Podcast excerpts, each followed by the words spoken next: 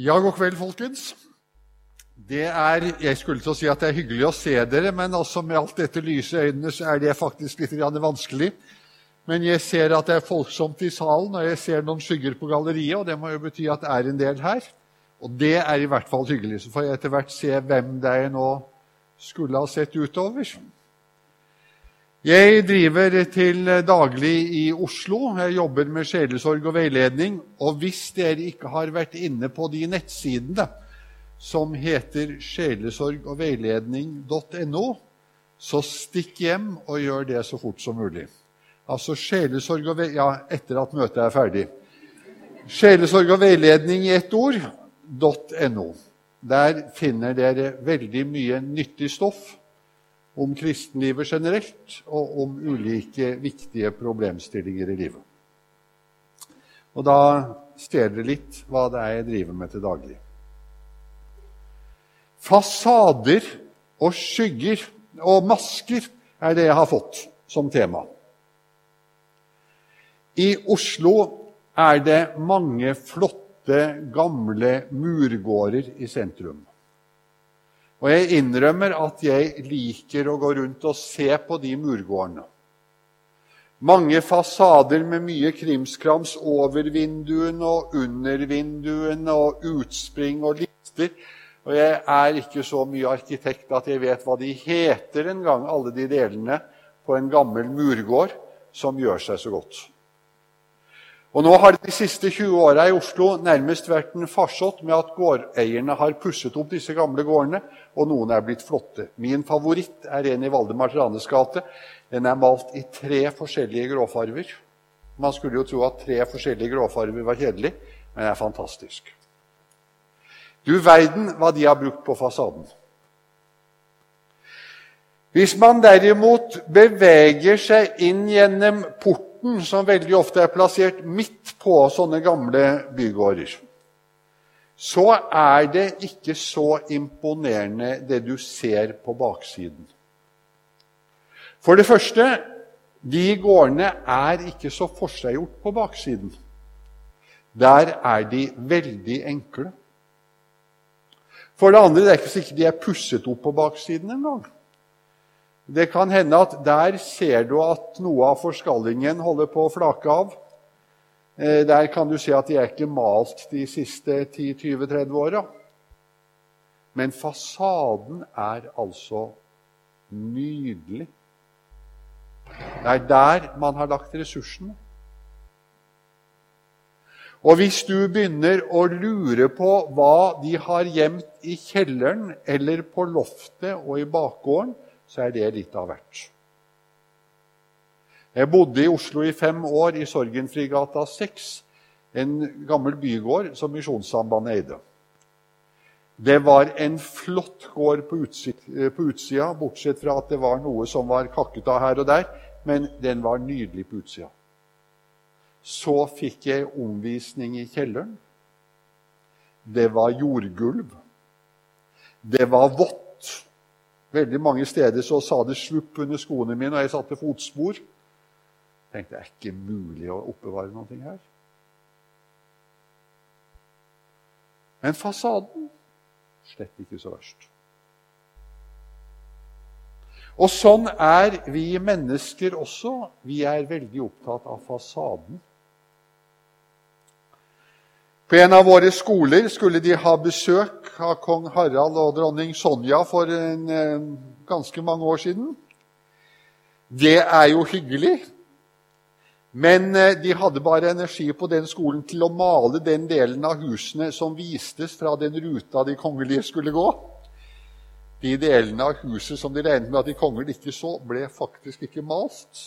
Veldig tidsbesparende, men typisk for fasader. Et ord jeg har tenkt på når vi snakker om fasader, og det er ordene som Gud sa til Samuel da Samuel skulle besøke pappaen til kong David. Og så kom alle Davids brødre frem på rad, for Gud skulle velge en konge av Davids hus. Og så sier Gud til Samuel, når alle disse flotte, eldre brødrene til David kom frem sånne som var i såpass god fysisk form at det så ut som det var tak i dem, så sier Gud til Samuel menneskene ser på det ytre, men Gud ser på det indre. Og sånn er det. Vi mennesker, vi ser på det ytre. Det var litt om fasader. Over til masker. Jeg innrømmer at Forsvaret ikke ville ha meg, så jeg kom i Sivilforsvaret i ung alder. I selveste Saniteten, Trøste- og Bærekompaniet. Og der har jeg for så vidt trivdes ganske bra. En gang da vi hadde en firedagersøvelse, så ble vi utsatt for gass. Og det var ikke en farlig gass. Men hvis vi pusta inn den gassen, så ble vi så kvalme at vi fikk fort et ganske stort behov for å brekke oss. Så vi fant jo fort ut at i egen interesse så burde den gassmaska sitte tettest mulig, så vi ikke fikk gassen inn i oss.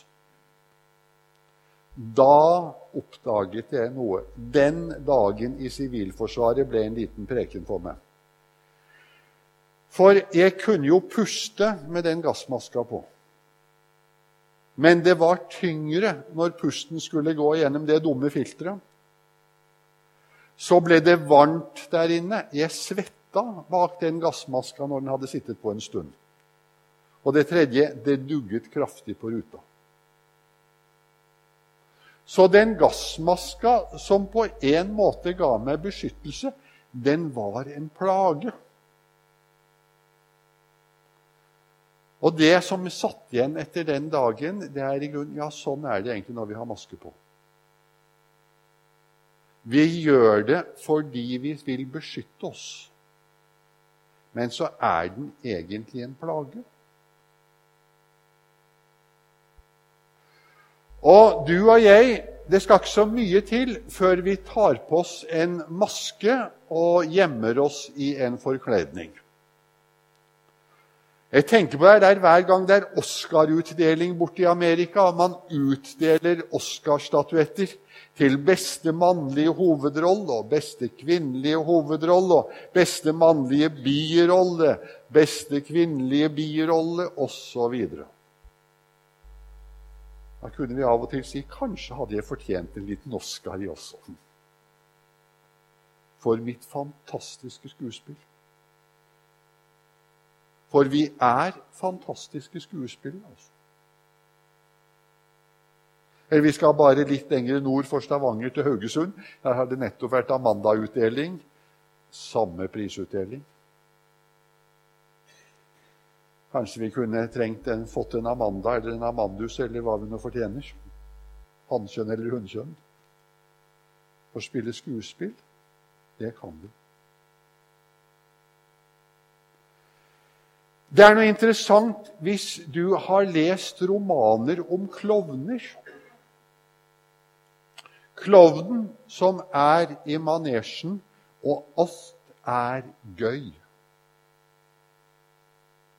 Har du lagt merke til at de som har laget filmer eller romaner om klovnen, de presenterer oss for en klovn som greier å få alle til å le under forestillingen?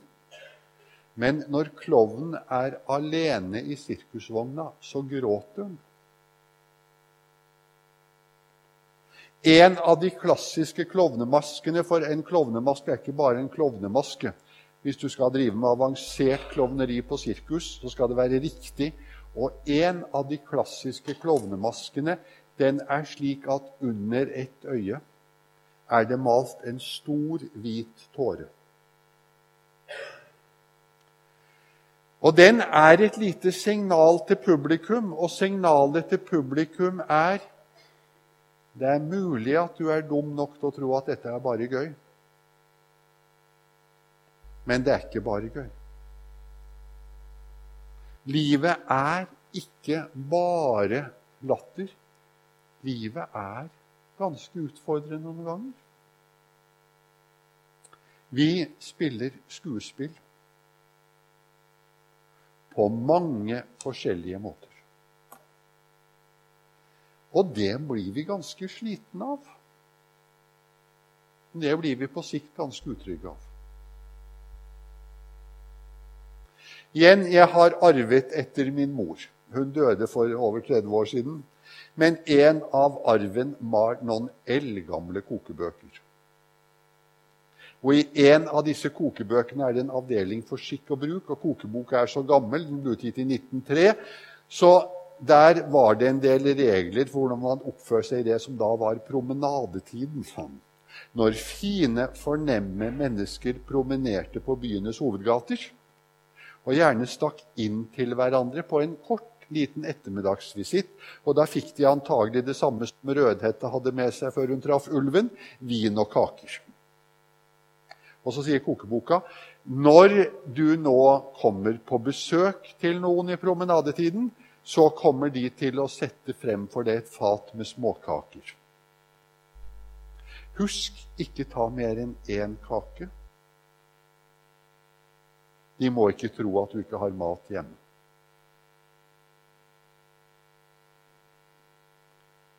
Aha. Mm. Så altså her får du servert et stort kakefat, men du skal late som om du ikke er sulten. Og jeg tenkte Det er jo som å komme i en gjennomsnittlig norsk menighet eller forsamling, der folk kommer, og så får de et bugnende fat med alle Guds kostelige retter, og så later alle sammen som de ikke er sultne. Vet du hva? Jeg tror det er veldig mange som er sultne på noe fra Gud. Men, men, det kan man jo ikke innrømme. Så sitter man der som i promenadetiden i 1903 og later som om Jeg nekter, jeg. trenger ikke noe. Jeg kan spise en kake for høflighets skyld. Men, men jeg har ikke behov for det. Ikke jeg.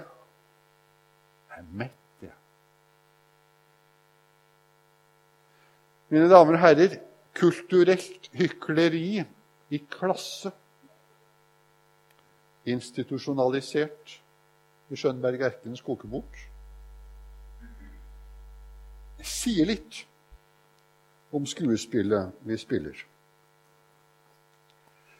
Karsten Isaksen har en liten historie. Han har mange historier i sine bøker. Men han har en historie om at han nesten var i ferd med å miste livet, men måtte skjule det for sine foreldre. Et kjempeproblem som han altså ikke ville innrømme. Nå skal du få høre den. Den står i den boka som heter 'Det handler om å leve'. Og Nå skal jeg lese hva han skriver. Jeg kunne nesten svømme. Nå kunne jeg holde hendene på badeballen svømme med bena. Flott trening, fryktelig moro. Etter en stund slapp jeg ballen, og den spratt noen meter innover. Og jeg ville vasse til land igjen. Men uten at jeg hadde merket det, hadde jeg kommet ut på dypet. Føttene traff ikke havbunnen før jeg var langt under.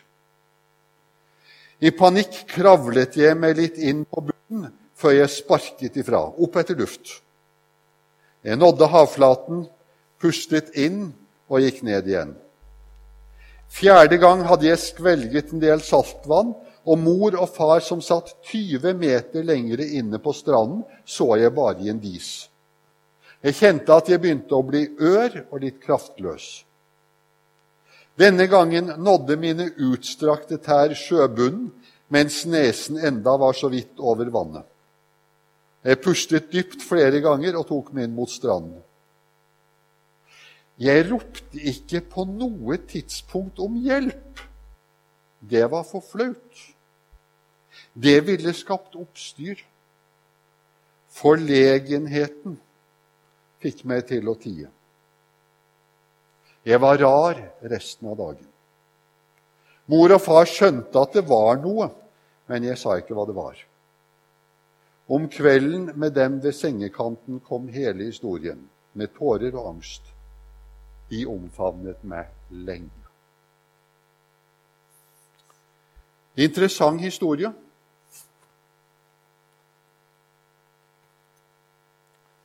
Man holder på å drukne, men det er for flaut å rope om hjelp. Nå skal det innrømmes at um, Karsten Isaksen klarte ikke det skuespillet så veldig lenge. De så at han var litt rar. Hva tror du gir deg frihet? Og Nå skal du få ett bibelord til.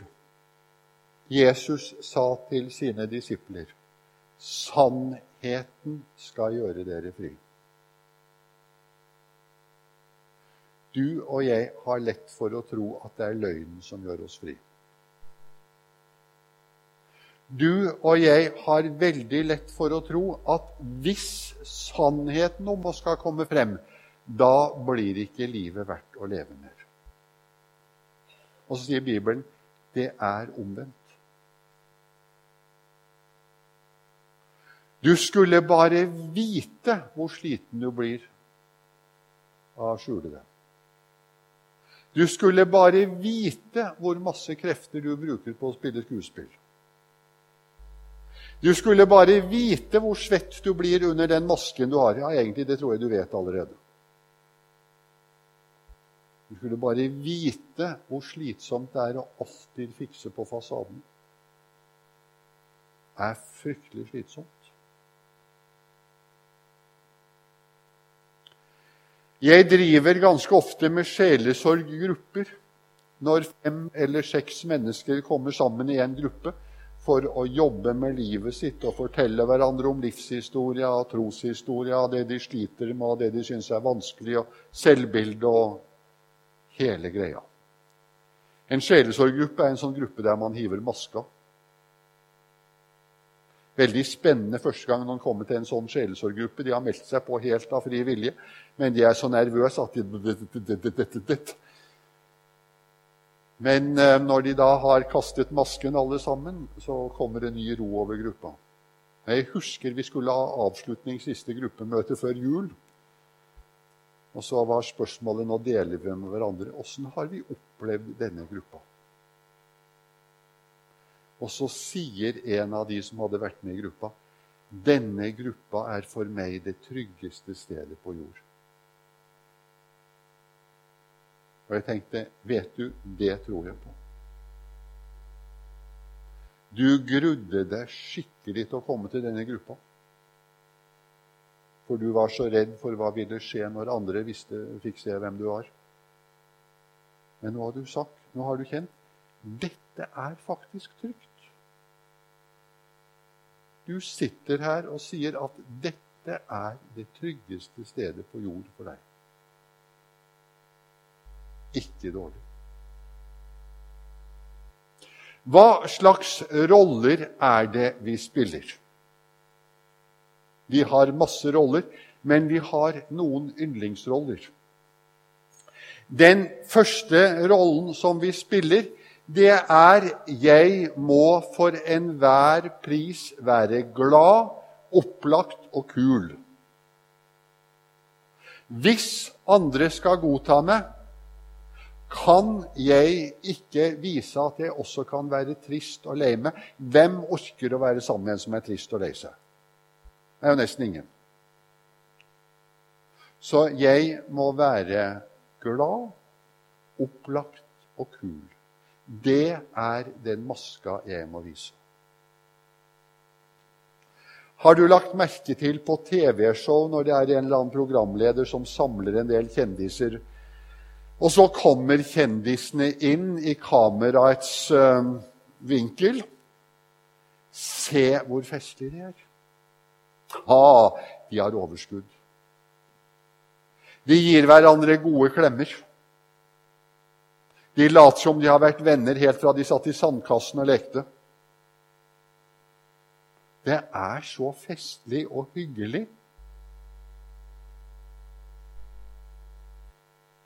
Men så leser du noen dager etter i avisen at de i grunnen ligger i rettssak med hverandre. Jeg satt et par uker og så en fantastisk mengde såpeoperaer for noen år siden. Såpeopera har alltid rynket på nesen av, men så kom jeg i en sånn periode jeg fant jeg må finne ut hva de såpeoperaene har av innhold. Og vet du, såpeoperaer er oppbyggelig. At en forhenværende forsamlingsleder i Misjonssambandet sier det er oppsiktsvekkende. Det er kanskje derfor han er forhenværende. Men hva er det såpeoperaene lærer oss? De lærer at vi mennesker svikter hverandre. Vi sårer hverandre. Vi baktaler hverandre. Vi er utro mot hverandre. Vi spiller skuespill mot hverandre. Kort sagt, vi synder mot hverandre bare så det durer.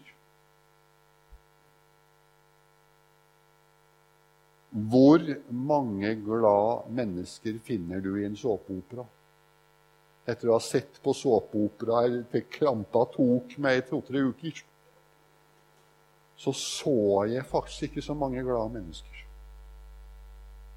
Men jeg så veldig mange mennesker som hadde trengt å få lov til å gråte ut over å være sviktet.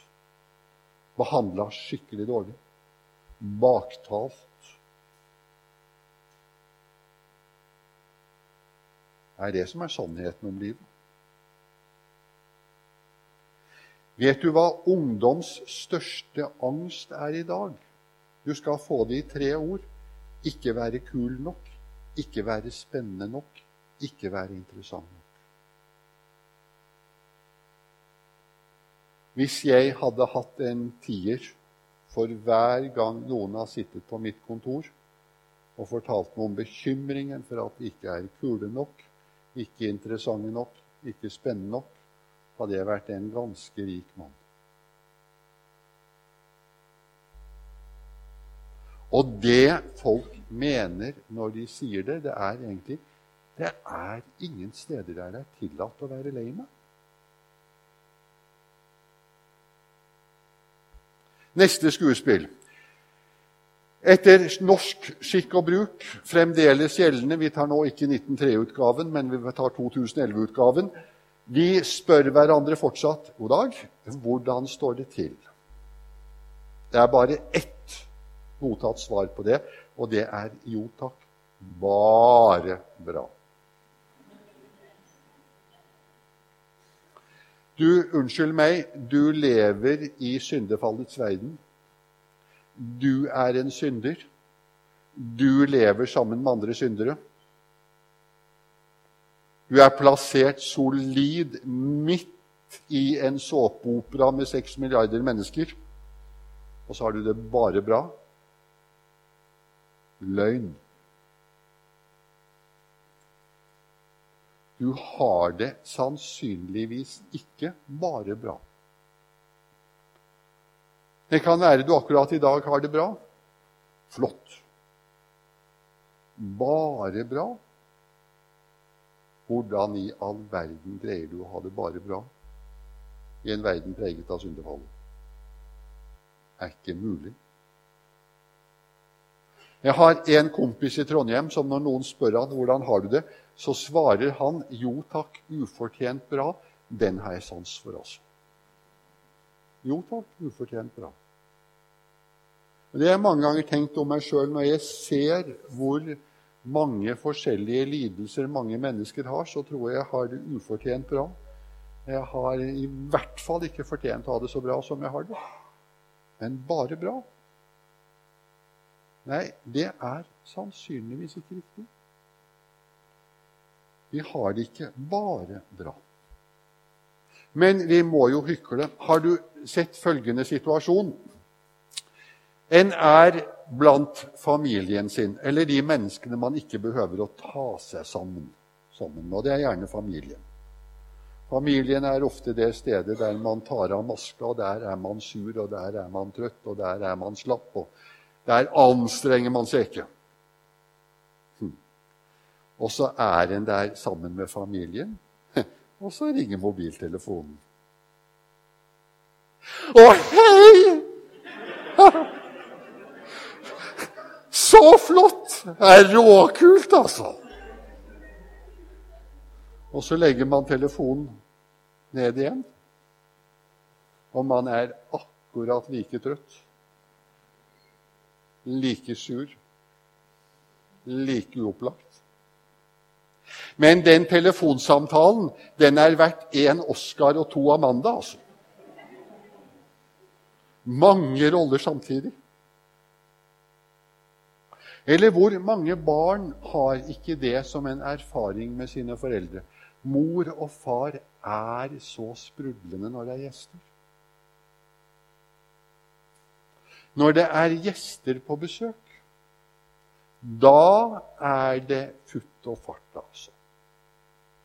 Hvis du da sier noe dumt som barn, så ler far og mor hyggelig. Hvis du sier det samme dumme når gjestene er gått, så får du høre ikke tull. Men det er ikke hyggelig. Men mor og far er jo nødt til å vise en fasade når gjester er på besøk.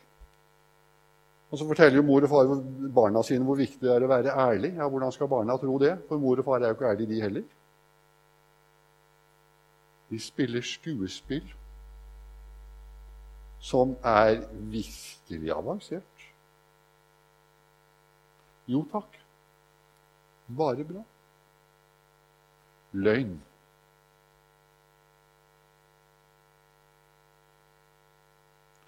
Spiller vi skuespill i den kristne forsamlingen?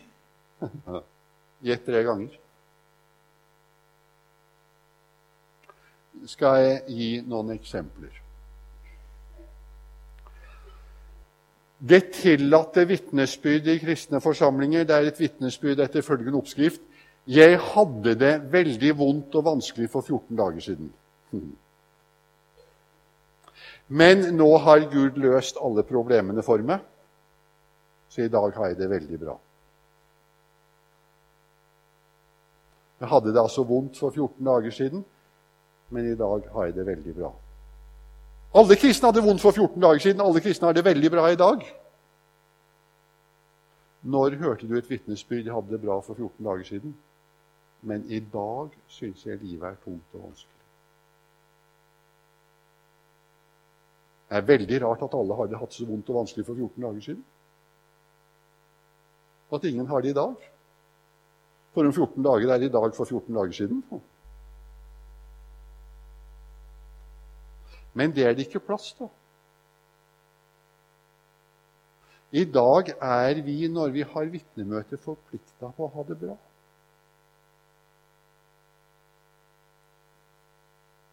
Eller i hvert fall ikke veldig vondt. Jeg har mange ganger tenkt på hvis noen av oss skulle fremføre på et bønnemøte en klagesang slik som vi finner den i Salmenes bok, hadde vi da blitt kasta ut? Ville de vi satt sammen med, tenke at vi kan da umulig være kristne når vi klager så mye? For eh, det er jo lovsanger vi skal synge. Vi glemmer at salmeboken har flere klagesanger enn lovsanger. Det er ikke populært å si engang. Men Salmenes bok har faktisk flere klagesalmer enn lovsanger. De hører med til livet, men vi har smugla dem vekk. Det er ikke plass til dem lenger. Juks nummer én. Juks nummer to. I kristne forsamlinger må du gjerne si at du er en stor synder. For hvis du er en stor synder, så har du selvinnsikt. Mm. Og så har du skjønt hva Bibelen sier. Mm. Du kan bli barne- og ungdomsarbeider bare med at du sier at du er en stor synder.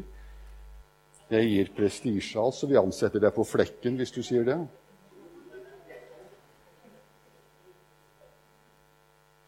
Har du prøvd å si at du er en liten tyv isteden? Eller en liten baktaler? en liten ekteskapsbryter. En liten løgner. Det ville vært sant. Har noen reflektert over hvorfor er det lettere å si at du er en stor synder, enn å si at du er en liten tyv?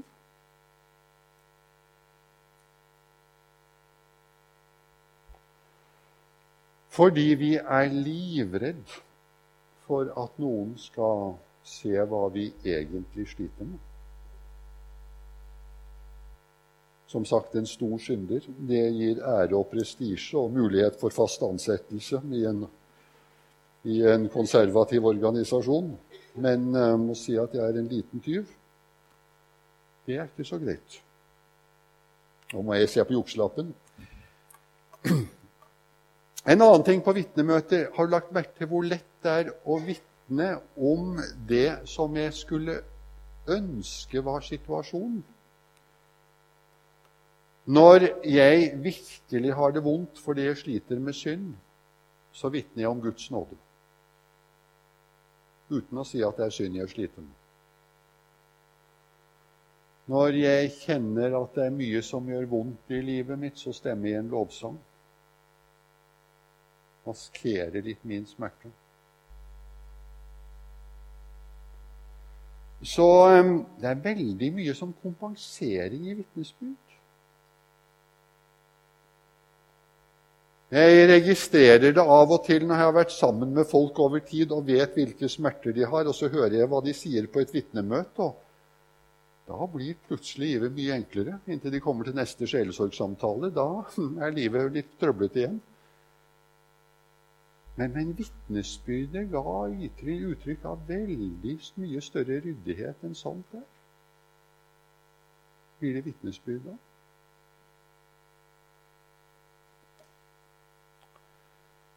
Så litt juks er det der også. Eller en annen ting.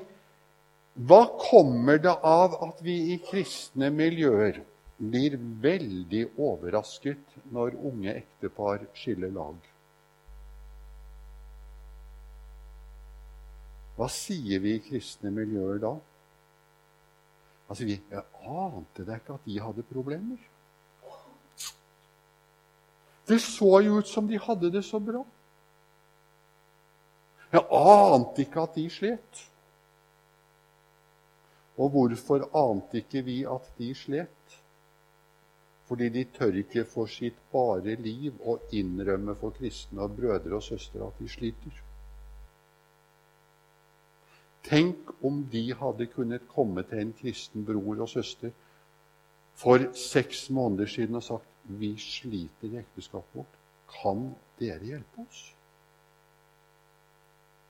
For en nydelig situasjon.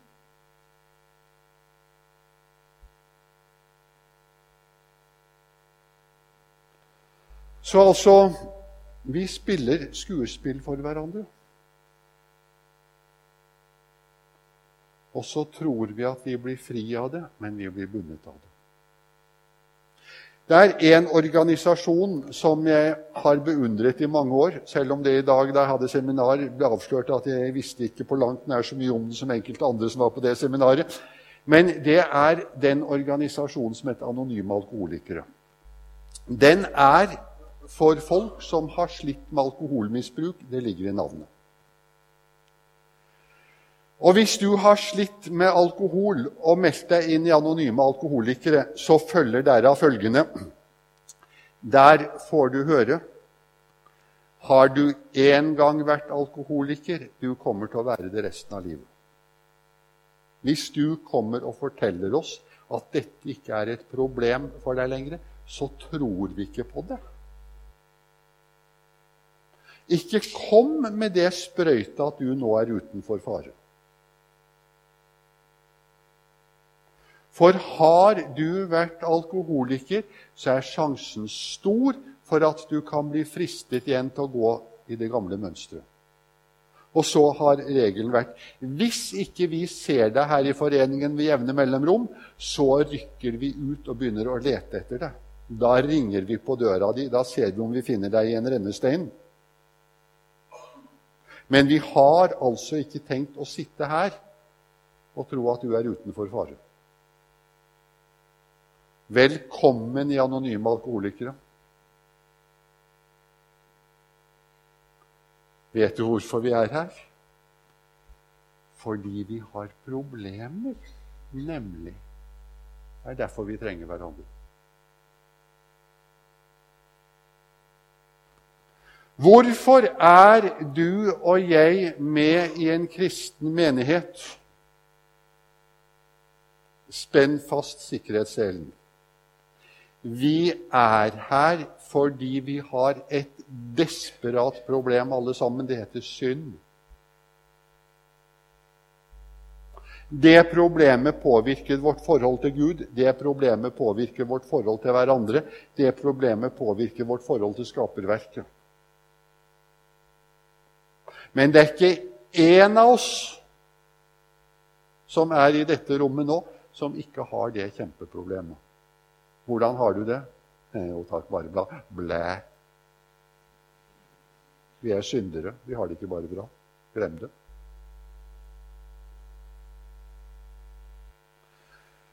La meg få lov til å bruke et bilde.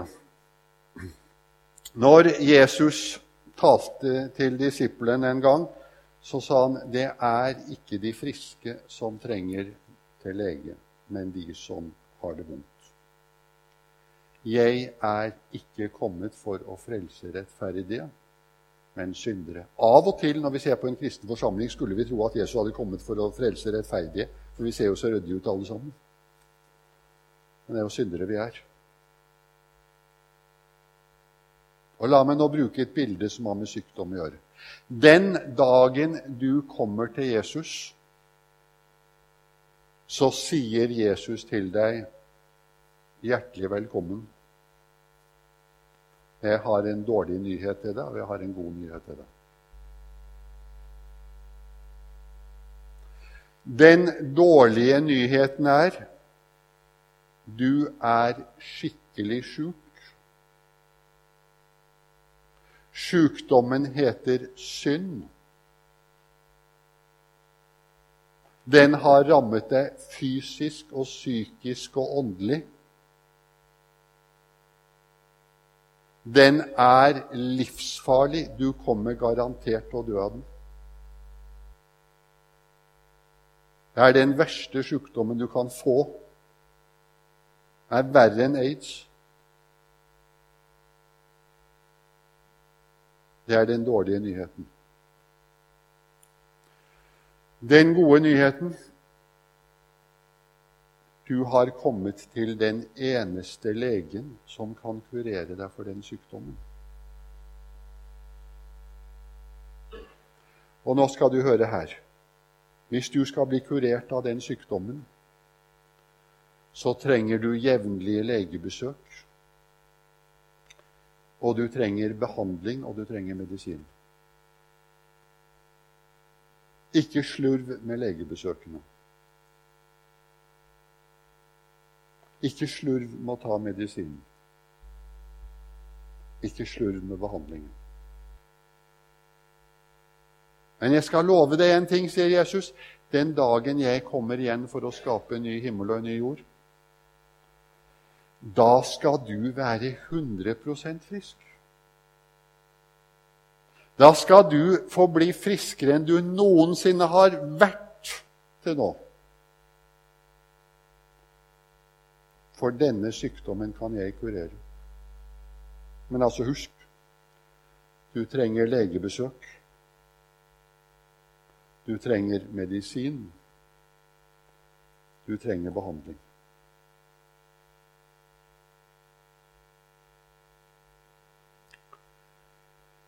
En god og en dårlig nyhet. Men så sier Jesus noe annet til deg med det samme du nå er hos ham. Du, sier han, det er sant at du er alvorlig syk. Det er sant at du trenger legebehandling. Sant at du trenger medisin. Men jeg har faktisk ikke tenkt at du i behandlingstiden bare skal ligge i en seng og gjøre ingenting. Jeg har mange andre pasienter som trenger at noen ser til dem og hjelper dem til å ta medisin, og at de får den treningen og den behandlingen de trenger. Nå vil jeg sende deg ut til å hjelpe andre pasienter som jeg også har påtatt med å behandle. Ja, men sier du, jeg kan da ikke gjøre noe for andre, jeg er jo sjuk. Jo, sier Jesus, du kan gjøre noe for andre. Du skjønner, alle sykepleierne i mitt rike de er i grunnen sjuke sjøl. Men på tross av at de er sjuke sjøl, så skal de få lov til å være med og hjelpe andre med den sykdommen de lider under. Men altså alle av mine tjenere er syke, enten de er møteledere eller gruppeledere eller forsamlingsledere, sjelesørgere eller hele kostebinderiet. Du skulle bare ant hvor syke de er. Men de er altså i jobb. Men, men de er ikke sjøl eh, kommet så langt at de ikke trenger behandling og medisin og legebesøk. Det trenger de massevis. Men altså, mens du nå er sjuk, så skal du få lov til å tjene andre syke som har begynt behandlingen. Ja, du sier Jesus en ting til. Det er mange mennesker på kloden du lever på, som ennå ikke har skjønt at de er sjuke. Ikke vet de at de er sjuke, og ikke vet de at de trenger behandling.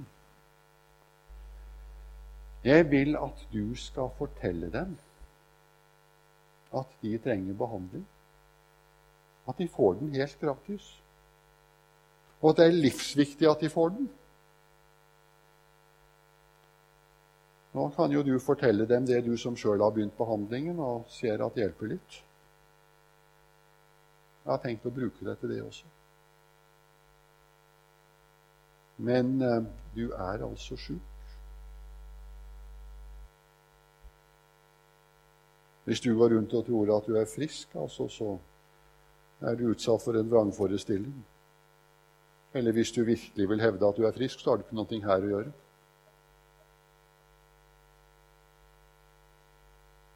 Hvis du har det bare bra, hvorfor i all verden har du kommet til Salem i kveld, da? Da trenger du jo ikke denne forsamlingen.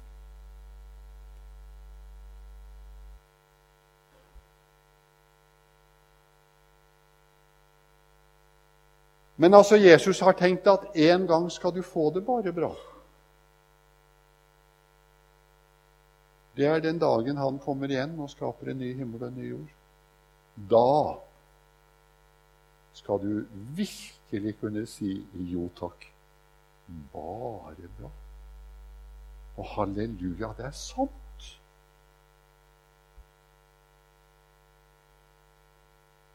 Men foreløpig er det altså ikke sant. Så kan det altså hende at du har gjemt deg bak en fasade og skjult deg bak en maske som skal forsøke å gi andre inntrykk av at du har det bare bra. Du bruker krefter på den fasaden du svetter bak maska. Du skal få slippe å bruke krefter på fasaden og svette bak maska. For Jesus sier til deg, du, det er ikke fasader og masker du blir fri av. Men du blir skikkelig fri av sannhet.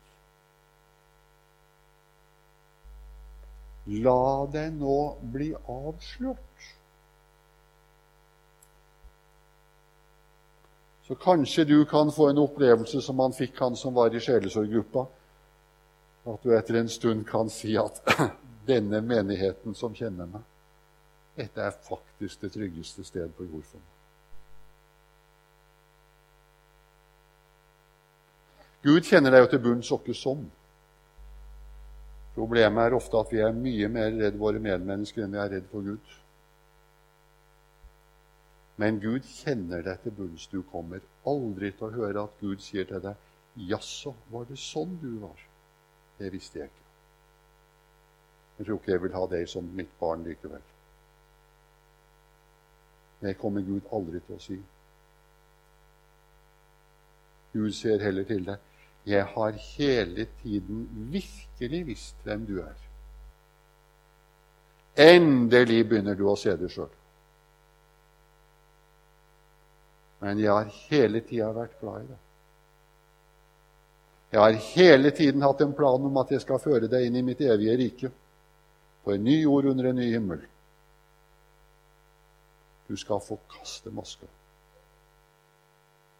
Kom ut fra den fasaden. Kjenn at du er fri. La oss be. Ja, kjære Herre Jesus, vi takker deg for at du kjenner oss, og du vet hva hver enkelt av oss gjemmer oss bak. Og nå ber vi, Herre, at du gir oss den friheten som bare du kan gi. Takk, Herre, for at du har kjent oss til bunns fra den dagen du kalte oss. Takk for at ingenting overrasker deg. Herre, la oss få lov til å leve et liv i ærlighet og sannhet, som frie og frimodige mennesker som vet hvem vi er, men kan gå med løftet hode og rak rygg. Det ber vi om, Herre. Og skulle du ønske at du kunne ta imot forbønn i kveld, eller du trenger litt hjelp til å kaste litt masker og rive ned fasader, så er du hjertelig velkommen til å ta kontakt med en eller annen leder her i Salem eller med meg. Så benytt sjansen hvis du føler for det.